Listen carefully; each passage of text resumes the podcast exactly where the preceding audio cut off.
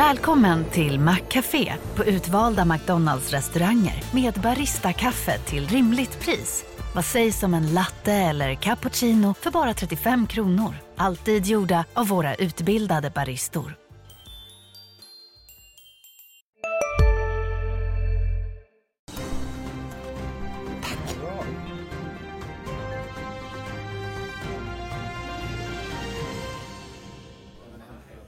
God morgon och välkomna till Börsmorgon. Välkommen tillbaka om ni har varit med oss hela vägen från Rapportmorgon som slutade för sekunder sedan. Dagens spelplats är fortsatt Convendum. I dagens program fortsätter vi att nagelfara eh, rapporterna och med oss fortsatt Ulf Pettersson, DIs analytiker. Hur tycker du att morgonen är så här långt? Eh, rapportmässigt lite svagare än igår. Eh, märkligt hur det kan bli så. Man tycker alla dessa rapporter borde göra att jämna ut sig och bli samma, men det är det inte utan här finns lite svaghet. Kanske SKF, eh, Electrolux, eh, eh, eh, Truecaller kommer tappa en del. De var ju Q2-vinnare, kommer vara en förlorare idag. Mm. Vi har haft många samtal med flera börs i Rapportmorgon sedan tidig morgonstund i vanlig ordning. Först ut var Diös. Sen dess har flera fastighetsbolag rapporterat Ulf, bland annat Castellum och Balder, giganterna så att säga. Mm. En faktor skiljer de två bolagen åt. Det är nämligen hur man hanterat värderingen av norska Entra. Man har aktier som Castellum nu har justerat ner värdet på kursen, det här är ett börsbolag, mm. börsnoterat bolag som har kommit ner väldigt mycket. Balder låter det stå kvar på samma värde. Mm. Dina tankar? Och, och bägge, är ju, bägge är ju jättestora ägare Enta, de största ägarna där.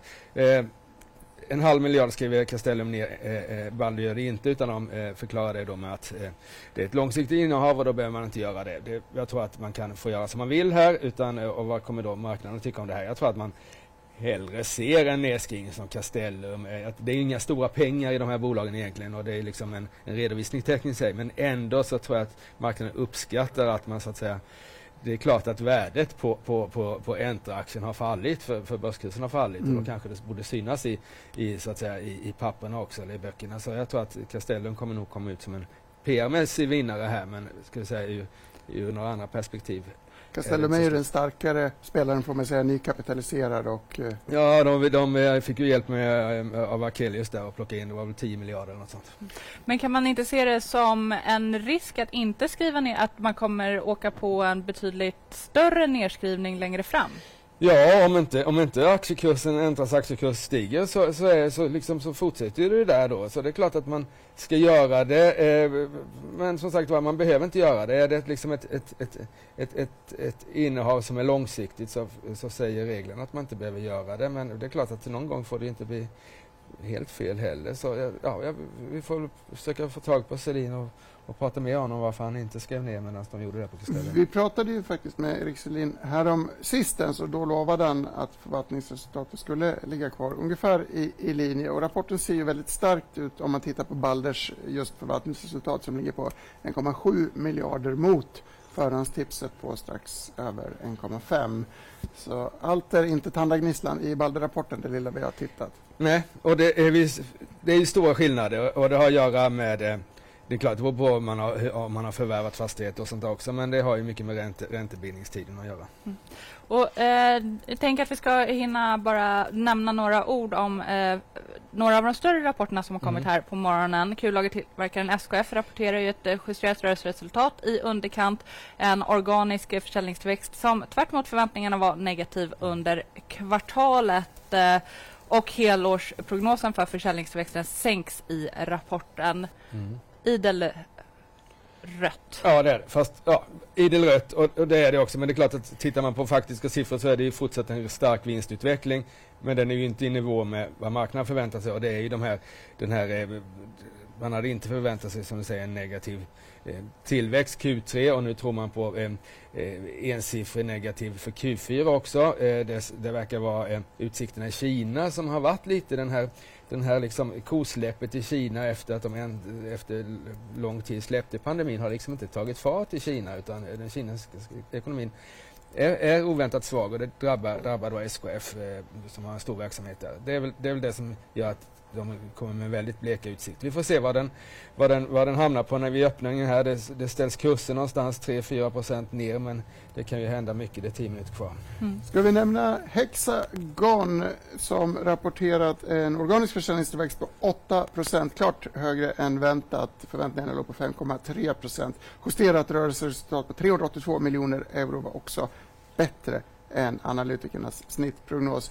Apropå bolag som börjar med Hexa så kan vi också nämna Hexatronic som däremot småspararfavoriten som vinstvarnade i slutet av september och redovisar ett betydligt mjukare resultat på många fronter. Ulf, klasskillnad i Hexabolagen? Ja, eh, och det är ju Eh, det är imponerande tycker jag av Hexagon. Vi har inte sett några 8-procentiga eh, organiska tillväxttal från verkstadsindustrin. Nu är de lite mer mot mjukvara, ganska mycket mer mot mjukvara. Men det är ett starkt resultat. Tar vi Hexatronic så är det ju det är svaghet. Jag såg, den svenska marknaden är 15, de anger inte organisk tillväxt i USA men den måste vara ner något liknande. Eh, så det är ganska svagt av, av, av Hexatronic.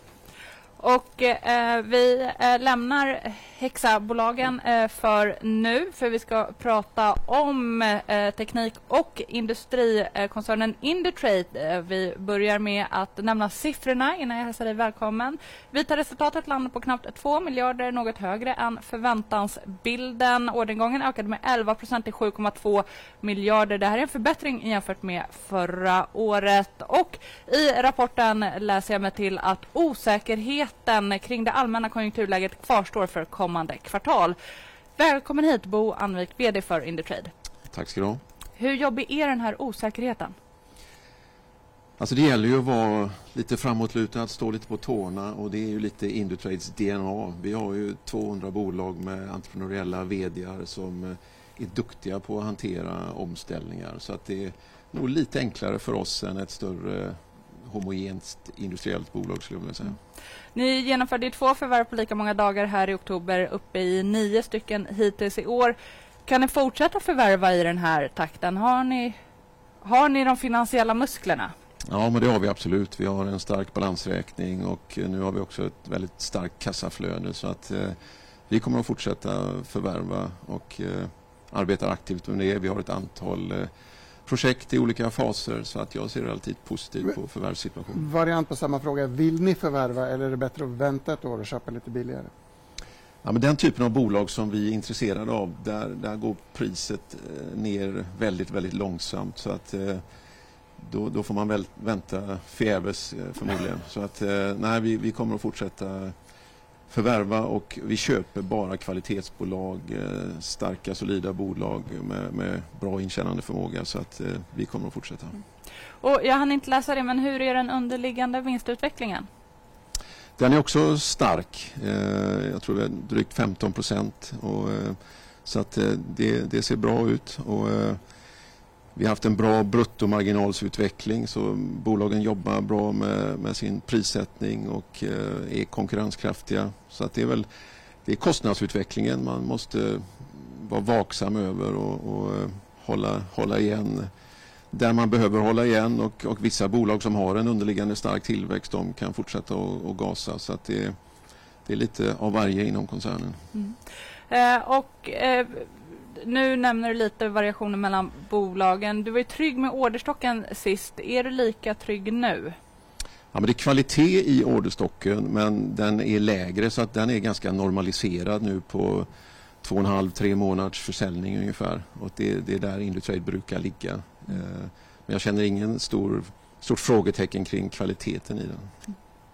Ja, jag tänkte på det du sa, som var spännande att det är liksom du har ju varit på större bolag tidigare och nu är ju Indutrade ett stort bolag men det består ju av hundratals småbolag.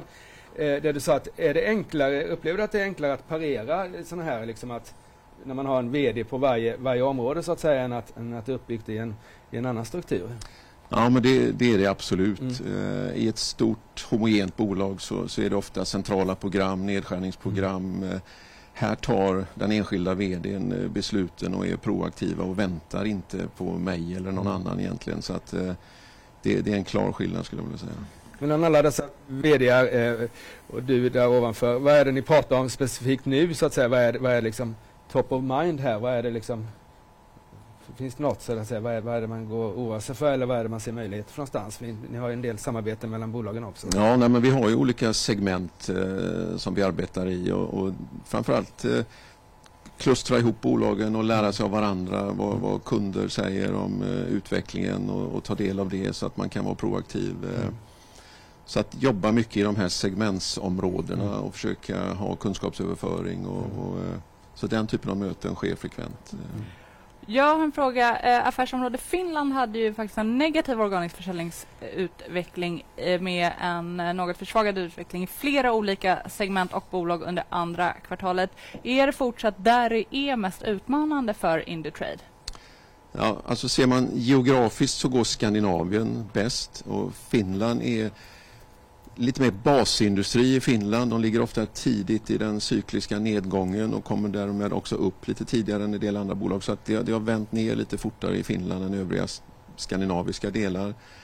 Och sen går det lite kanske geografiskt sämre i Tyskland, eh, England. Eh. Så att Skandinavien står faktiskt ut. Jag tror det är delvis att eh, vi har ett starkt medicintekniskt kluster som vi, vi har många bolag som tar del av det. Och sen är det den gröna omställningen där eh, man ser eh, allt från eh, elektrifiering och, och, stora omställningar i basindustri, LKAB, SSAB, stora investeringar och så vidare. Så det, det, finns mycket att jobba med och är man, är man ett bolag som omsätter 100-200 miljoner kronor så, så, behöver man inte så många stora projekt för att eh, hantera sin omsättning. Så att det, det är relativt sett lite enklare. Mm. Med den här gröna omställningen och det som sker här i Skandinavien, kanske framförallt i Sverige, för ni har ju ungefär 20 procent av omsättningen från olika delar av byggindustrin. Eh, och jag undrar lite, kan det liksom räddas av den här omställningen eller hur ser du på den avmattningen i infrastruktur och anläggning som, som ni ändå upplevde tidigare i år? Ja, vi, vi, levererar inte direkt till småhustillverkning i någon större omfattning utan det är kanske mer kommersiella fastigheter och, och infrastruktur i form av eh, vägar, järnvägar, flygplatser, hamnar och du vet den typen av investeringar. Så att det, det är relativt okej okay för oss tycker jag i det segmentet. Eh. Sen har vi medvetet byggt upp ett segment som är ungefär lika stort, ungefär en femtedel av Indutrade. Är läkemedelsorienterad, medicintekniskt orienterat och, och det är ju mycket mer stabilt eller till och med ökande på ett väldigt positivt sätt. Blir du sugen på att titta i de här mer konjunkturresilienta sektorerna när du räknar på nästa förvärv? Förändras riktningen av konjunkturen? Alltså vi, vi tittar efter små juveler i form av bolag. Men det, är klart, men det gör ni ju alltid. Ja, men, men vi, vi har ett antal segment som vi är primärt intresserade av och det är medicinteknik, läkemedelstillverkning är, är absolut primärt. Eh, VA-segmentet är jätteintressant. Eh, delar av energisektorn är intressant tycker vi. Så att, eh, vi, vi har ett antal sådana prioriterade områden. Är medicinteknik extra spännande nu? Jag vet att dyrare kapital gör det jobbigt för många. Det kanske mest inom forskning, men jag vet sektorn överlag handlas väldigt lågt på börsen. Är den mera utsatt och lättare att komma in som köpare i, tycker du? Ja, jag vet inte om jag har upplevt någon stor skillnad de sista två, tre åren. Det har, det har varit eh, multipelmässigt kanske ligger snäppet högre än vissa andra branscher men, men ändå hanterbart. Stort tack Bo Anvik för att du eh, har varit med oss här denna morgon. Eh, Ulf, jag vänder mig till dig. Det är många förvärvare som har lagt om kursen under det senaste ett, ett och ett halvt året. Upplever kanske inte att Indutrade gör det, men hur ser du på serieförvärvare nu? Ja, de som har lagt, alltså de har gjort det av nödvändighet. Det är inte så att det har varit ett strategiskt beslut att nu ska vi inte vara CFÖ. De hade nog gärna varit det, exempelvis Storskogen och, och, lite andra. Men så har man inte kapital till att göra affären utan då måste man istället för sälja, sälja bolag. Indutrade har ju inte den har, Indutrade har varit med så mycket längre i det här. Alltså det är ju ett bolag från, från 80-talet egentligen som, som liksom aldrig förvärvat. De förvärvar ju jättemycket men varje år är det inte så jättemycket eh, jämfört med liksom som, som Storskogen som har liksom förvärvat allt under de få år bolaget har funnits. Så då blir man liksom, då behöver man inte, man, när man inte gasar så hårt behöver man inte bromsa så hårt heller. Kan man väl säga. Apropå gasa och bromsa, det ska bli väldigt spännande att se hur börsen öppnar. Vi såg med fasa hur Wall Street gick ner kraftigt igår men det verkar ligga vändning i luften denna fredag. Klockan är på väg att slå nio. Det är dags för oss att ringa i klockan och gå till Studio 2 hemma på Görvelsgatan.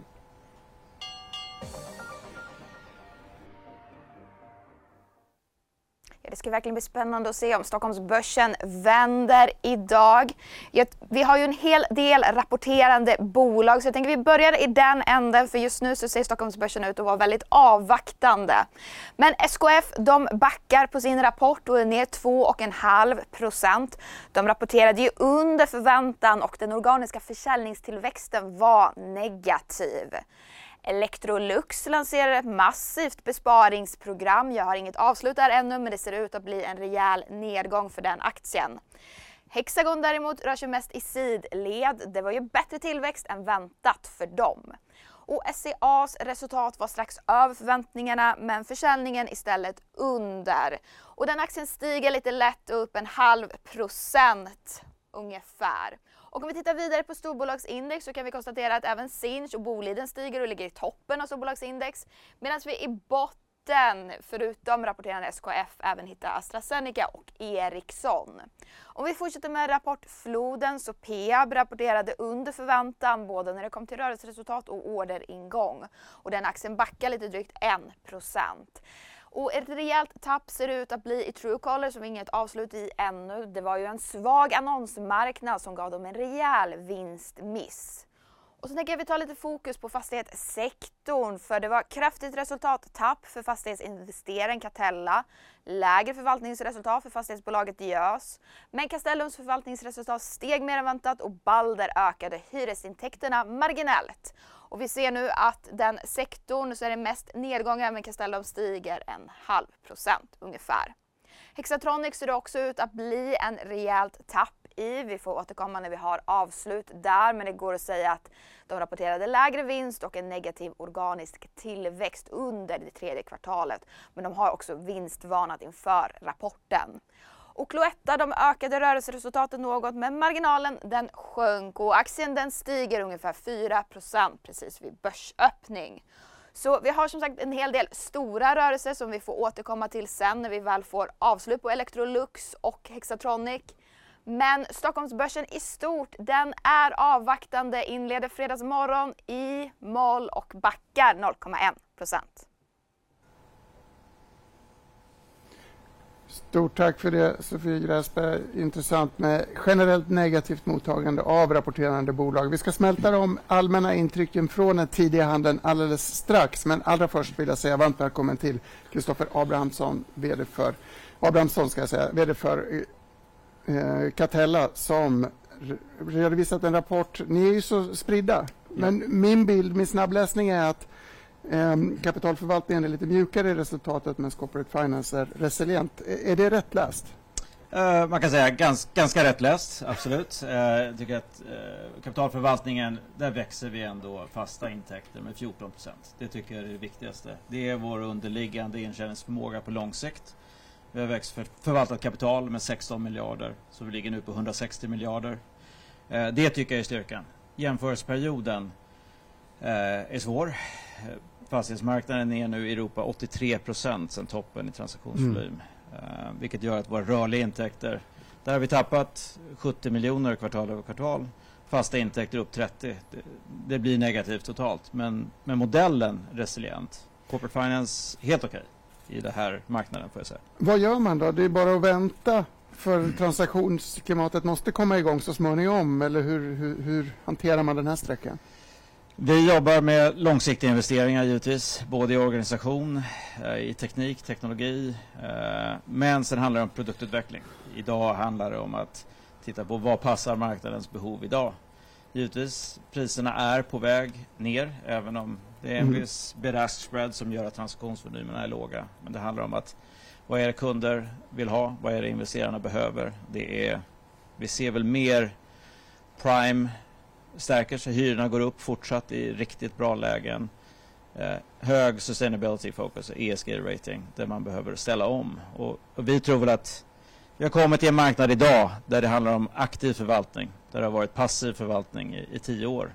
Vilket bör gynna oss på sikt. Men det är klart, innan transaktionsvolymerna kommer upp ja, då kan det bli några kvartal som är lite, lite trötta. Tolkar det som att det har varit lite för enkelt. Nu går vi in i en mer utmanande tid och då behöver man experthjälp och det kan man köpa av er. Absolut. Vi har ju eh, 12 europeiska länder vår modell är ganska unik med liksom institutionellt kapitalförvaltning på toppen.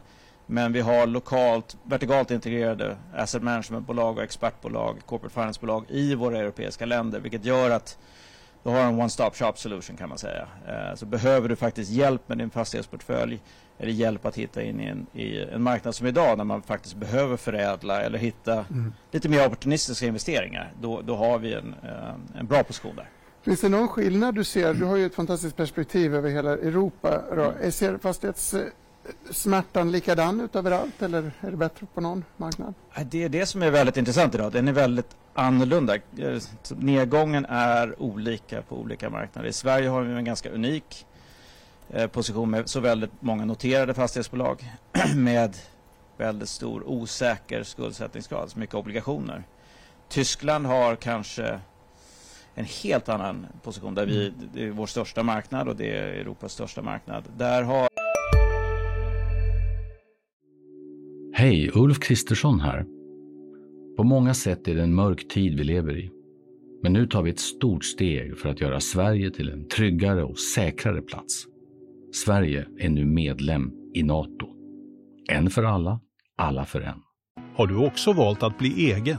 Då är det viktigt att skaffa en bra företagsförsäkring. Hos oss är alla småföretag stora och inga frågor för små. Swedeas företagsförsäkring är anpassad för mindre företag och täcker även sånt som din hemförsäkring inte täcker. Gå in på swedea.se företag och jämför själv.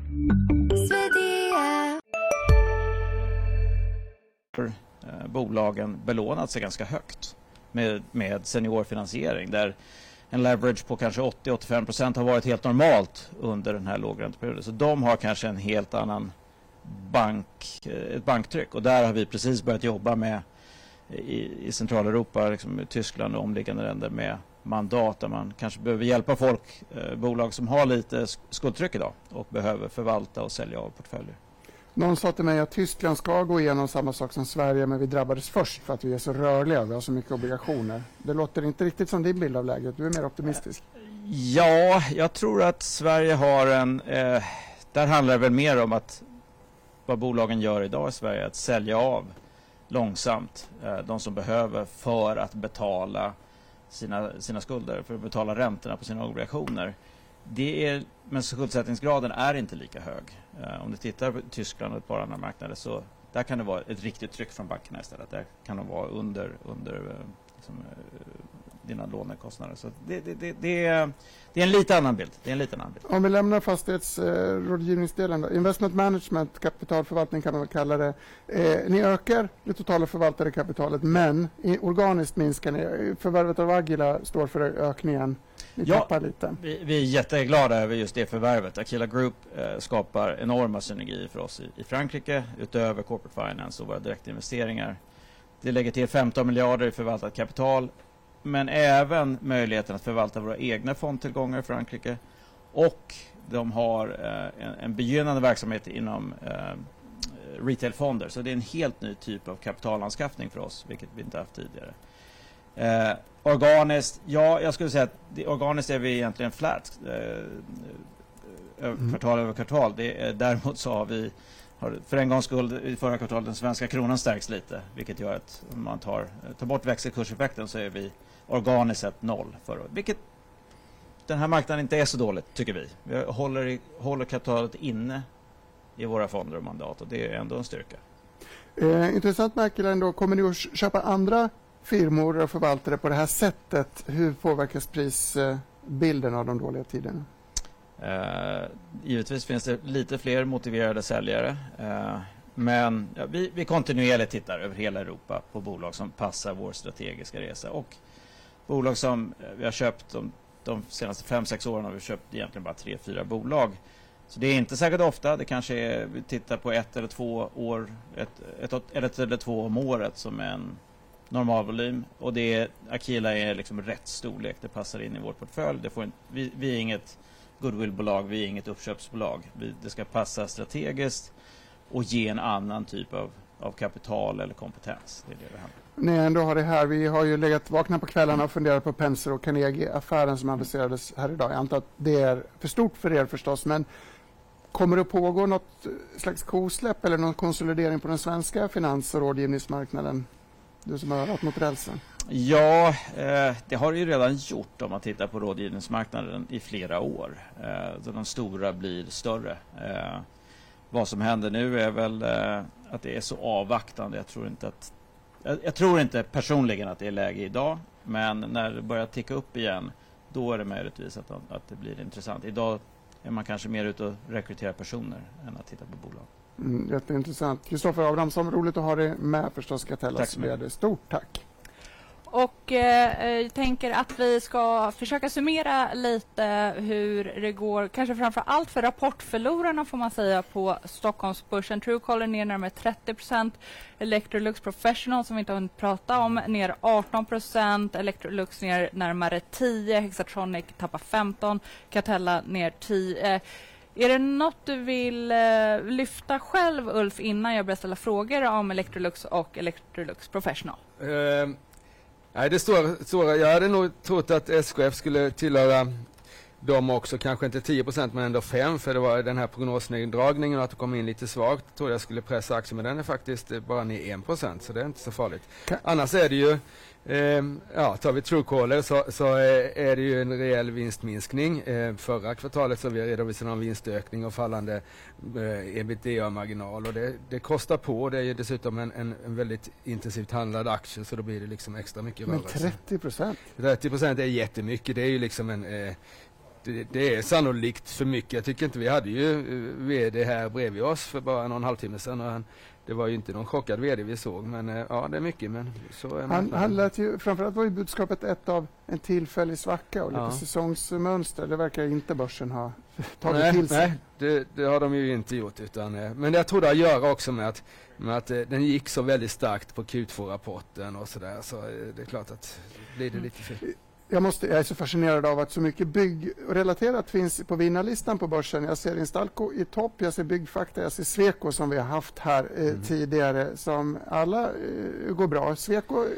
kanske inte så konstigt, fortsätter leverera starkt. Ja, det gör de. Eh, eh, redovisar en vinstökning och håller i marginalen på ett bra sätt eh, och har gjort ett antal kvartal nu. De har verkligen de var väl aldrig inne i någon kris men de har liksom ändå, de hade några jobbiga kvartal men har kommit igen bra. Det är ett par år sedan egentligen. Eh, eh så de, de gör det bra. Afri som är deras eh, head-to-head-konkurrent gör det inte lika bra. Nu ser jag inte hur aktien går just nu. Den är ner 8% efter att marginalen eh, minskat och eh, eh, eh, vinsten minskat och eh, genomför besparingsprogram. Plus skulle jag vilja flagga för eh, balansräkningen där som börjar bli, för att vara ett konsultbolag, lite svag. Då ska vi då prata om Electrolux och också avknoppningen Electrolux Professional. Mm. Om vi mm. börjar i Electrolux. Vinsten var klart lägre än väntat. Försäljningen sjönk med 8% jämfört med i fjol och mm. man utökar det här kostnadsbesparingsprogrammet. Från 7 till 11 miljarder och bakom de siffrorna eh, finns då 3 000 personer, som personer inom, inom bolag som ska bli av med jobbet här så småningom. Och det, det är en stor rörelse. Jag trodde kanske inte den skulle bli så stor med tanke på att den har varit pressad under en lång tid. Men men eh, ja, det, är, det är jobbigt, alltså det är jobbigt på deras, både Europa och framförallt USA är jobbigt. Alltså i USA så trodde Samuelsson, VD på Electrolux, att man skulle redovisa ett litet internt, han trodde nog att de skulle redovisa i alla fall ett nollresultat i USA. Nu var det en halv miljard ner nästan där det här kvartalet också. Och, men även Europa är svagt. Det enda som går bra egentligen är Latinamerika, men det går å andra sidan riktigt bra. Men, och det är alltså att även där skulle jag vilja flagga för, för med de här svaga resultaten så blir ju blir ju skuldsättning på 19 miljarder ett, ett kommande problem att ta hand för, för, för den nya, nya ordförande som ska tillträda mm. i, i vår. Kanske något vi också får ställa frågor till VD om. 10.25 kan mm. jag bara eh, flagga för att eh, Jonas Samuelsson är med i eh, DI-TV. Hörrni, igår stod vi och snackade om Mips som rörde på sig väldigt, väldigt kraftigt. Vi har småspararfavoriter i rörelse idag också. Hexatronic har vi pratat om under dagen. Fort Knox vill jag nämna särskilt. Intäkterna stiger med 25 procent. Marginalen förbättras. Samtliga affärsområden bidrar. Däremot har man ett sämre kassaflöde. Jag fascineras lite grann över det mottagande som den här aktien får. Den handlas ner 7 procent. Jag vet inte om jämförelsen med Mips är rättvis, Uffe, men det är en noterbar eh, minskning här. ja, det, det, finns ingen... Eh, Mips eh, omsatte 77 miljoner kronor senaste kvartalet. De har som mål att omsätta 2 miljarder 2027 på året. Och det är klart att de som kan räkna blir 77 gånger 4 blir inte 2 miljarder. Eh, eh, utan, eh, tar vi Fortnox så är det en vinstökning eh, fortsatt men den är kanske inte lika kraftig som den har varit tidigare kvartal och är det P, börjar det bli P 50 så, så liksom P 50 eller P 45 det är 10% på kursen och det, det, är liksom, eh, det kan bli så när man är högt värderad. Tuff tid för högt värderade bolag, Nicke. Mm. Vi pratade tidigare med serieförvärvaren Indutrade. Nu ska vi till lite mindre eh, Stiptech. Rörelseresultatet ökade med 38% till 235 miljoner motsvarande en ebitda-marginal om 19,5 Organisk tillväxt för koncernen var 20% exklusive valutaeffekter. Eh, den starka orderingången från början av året fortlöpte under tredje kvartalet. Bolaget ser i dagsläget inga tydliga tecken på avmattning. Välkommen hit eh, Jakob Holm, VD för Stiptech. Tack ska ni ha. DI skrev i en analys i oktober att senaste året har varit lugnt. Lite för lugnt för er. Vad tycker du om den beskrivningen? Eh, lugnt, jag vet egentligen inte vad man menar med lugnt. Jag tycker att vi har haft ett fantastiskt år. Vi har för tredje kvartalet i rad så har vi en eh, organisk försäljningsökning på mellan 15 till 20 procent. Så att det skulle jag säga inte lugnt. Eh, vi har en, eh, en bra, bra kostnadskontroll vilket innebär att vår rörelsevinstmarginal ligger, ligger stabilt på mellan 19 till 20 procent och nu äntligen i tredje kvartalet så har vi fått bra kassaflödesgenerering också på 94 procent. Så att Eh, vi jobbar på som vi brukar göra, men lugnt skulle jag inte kalla det. Jag tror att uh, man kanske framförallt avser uh, mängden förvärv. Och du skriver nu att uh, i takt med högre räntor höjer vi kraven för avkastning. Prisförväntningar i marknaden är generellt sett lite för höga som ni ser. Är det helt enkelt att det är för dyrt?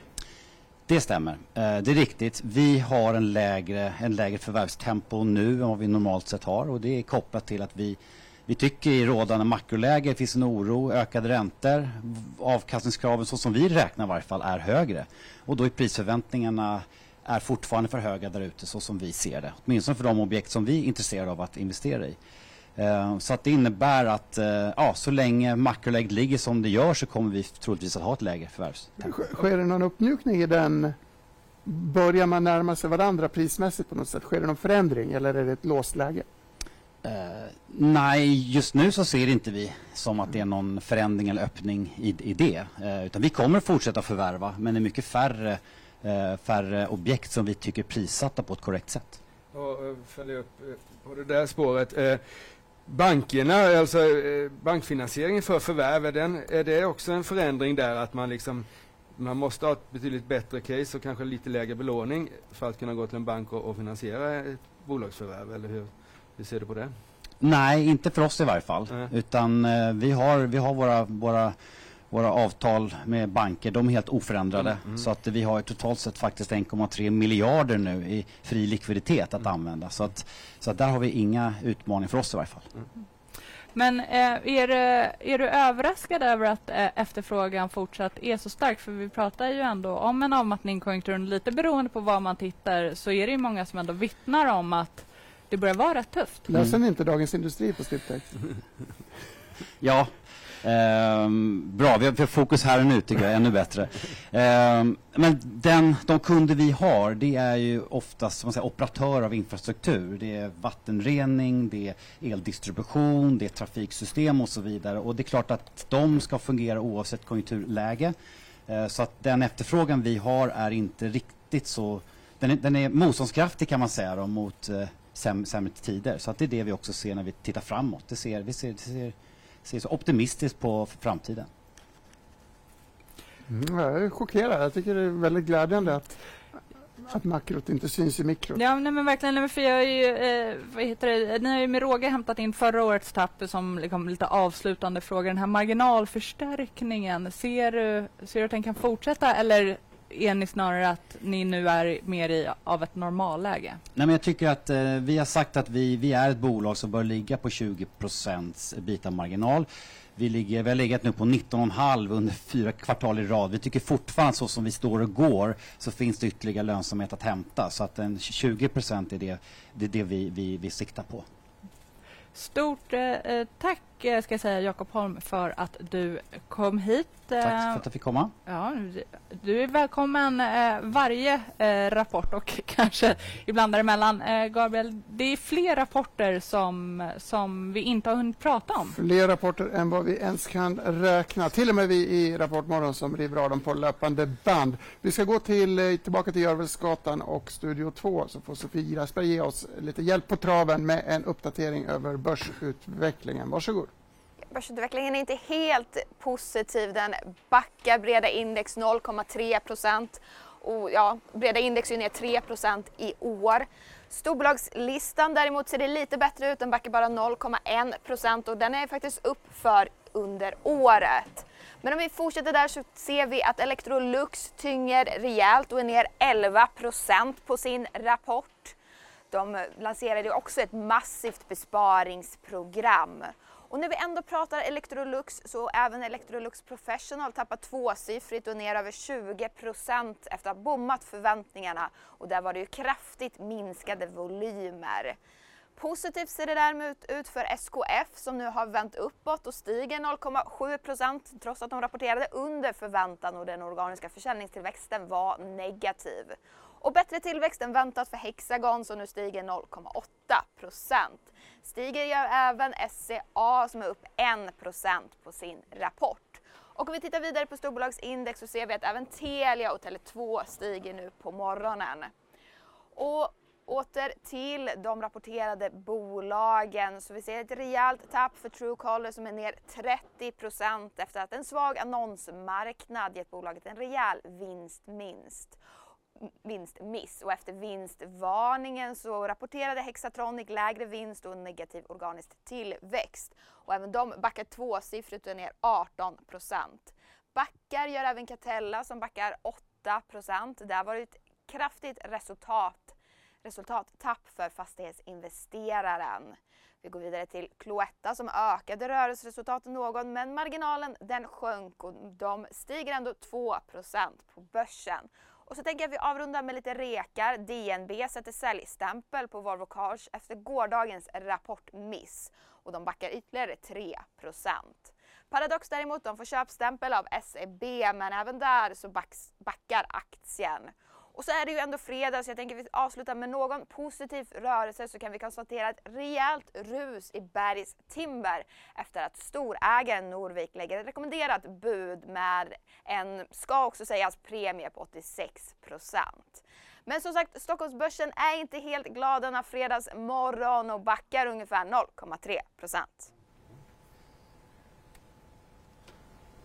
Mm, inte så illa. Det kanske blir lite helgstämning på börsen till slut ändå, även om variationerna är tämligen stora. Ulf, en sak jag reagerar på, SKFs eh, ganska starka avkastning idag får vi säga. Ja, den, den går ju emot börsen. Nu börjar ju börsen närma sig nollan här men eh, eh SKF var upp ett par procent. Jag tittade alldeles nyss. Eh, Ja, 1 % nu. Eh, lite märkligt eftersom de sänker förväntningarna för Q4 och kom in lite lägre än väntat och den organiska tillväxten var negativ. Det trodde inte marknaden. Så eh, jag satt här och trodde på 5 % och har fått fel i det där. Och jag vet inte om det är någonting som, eh, som Rickard Gustafsson har sagt på någon presentation som gör att det ändras här. Men det har inte kommit ut något på skärmarna. Alltså, lite märkligt att den är klarar sig så bra denna dag eh, eh, faktiskt. Eh, så det. Annars så är det mycket rött här bland de rapporterande bolagen men en del grönt också på min skärm. Mm. Eh. Apropå rött, vi har faktiskt inte hunnit eh, fördjupa oss något i Electrolux Professional som ju är faktiskt eh, kollapsar kanske är lite väl starkt, men ner 21 procent. Det är ett stort ras på bommade förväntningar. Ja, det är det. Eh, och där är det faktiskt eh, omsättningen. Man hade förväntat sig, eh, alltså de missar, missa omsättningen med 6 procent. Man hade trott att det skulle vara en fortsatt vinstökning. De har ju haft en fantastisk vinstökningstakt efter pandemin när det började lossna i, i, i restaurangbranschen. Men nu vänder faktiskt vinsten ner med Ja, det är 10 procent drygt och det, marknaden förväntar sig en liten uppgång och då blir det ganska slagigt. Eh, jag tycker 20 procent är väldigt, väldigt mycket på ett kvartal. Men, men eh, ja, och det är dessutom ganska mycket handlat. För jag såg här Catella som jag hade på studion tidigare att den var ner 10 men då var det bara handlat aktier för 100 000 så då är det, då är det liksom inte signifikant. Men här är faktiskt lite handlat också så det, mm uppenbart en, en chock för, för många investerare. Mm. Electrolux Professional alltså ner 21,6 procent. Truecaller fortsätter sin sydliga resa ner över 30 procent just nu. Jag noterar Hexatronic ner 19 procent. Electrolux också på förlorarlistan 11,5 procent ner. Precis, och ska man då,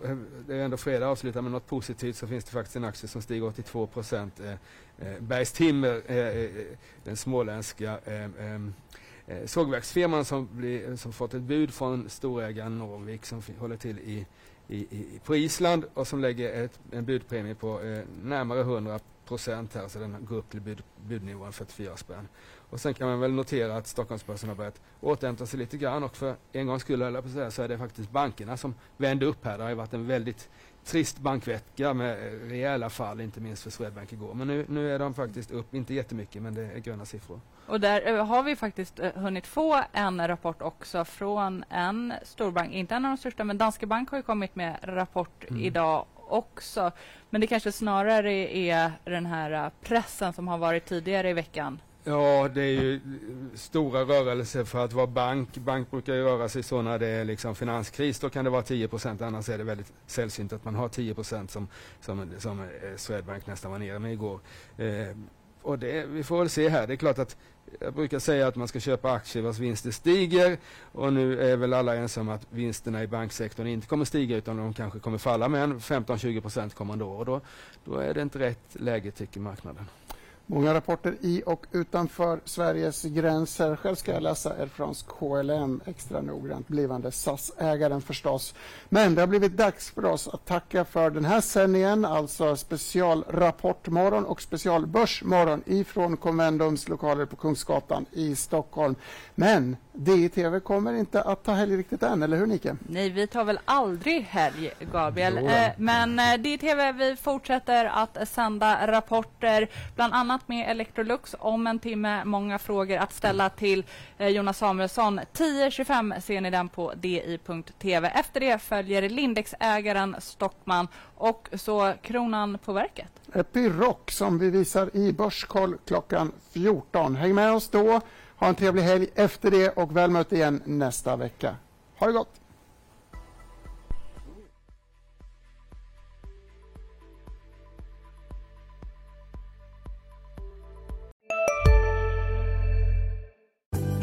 Synoptik här. Hos oss får du hjälp med att ta hand om din ögonhälsa. Med vår synundersökning kan vi upptäcka både synförändringar och tecken på vanliga ögonsjukdomar. Boka tid på synoptik.se. Upptäck det vackra ljudet av McCrispy Company för endast 89 kronor. En riktigt krispig upplevelse. För ett ännu godare McDonalds.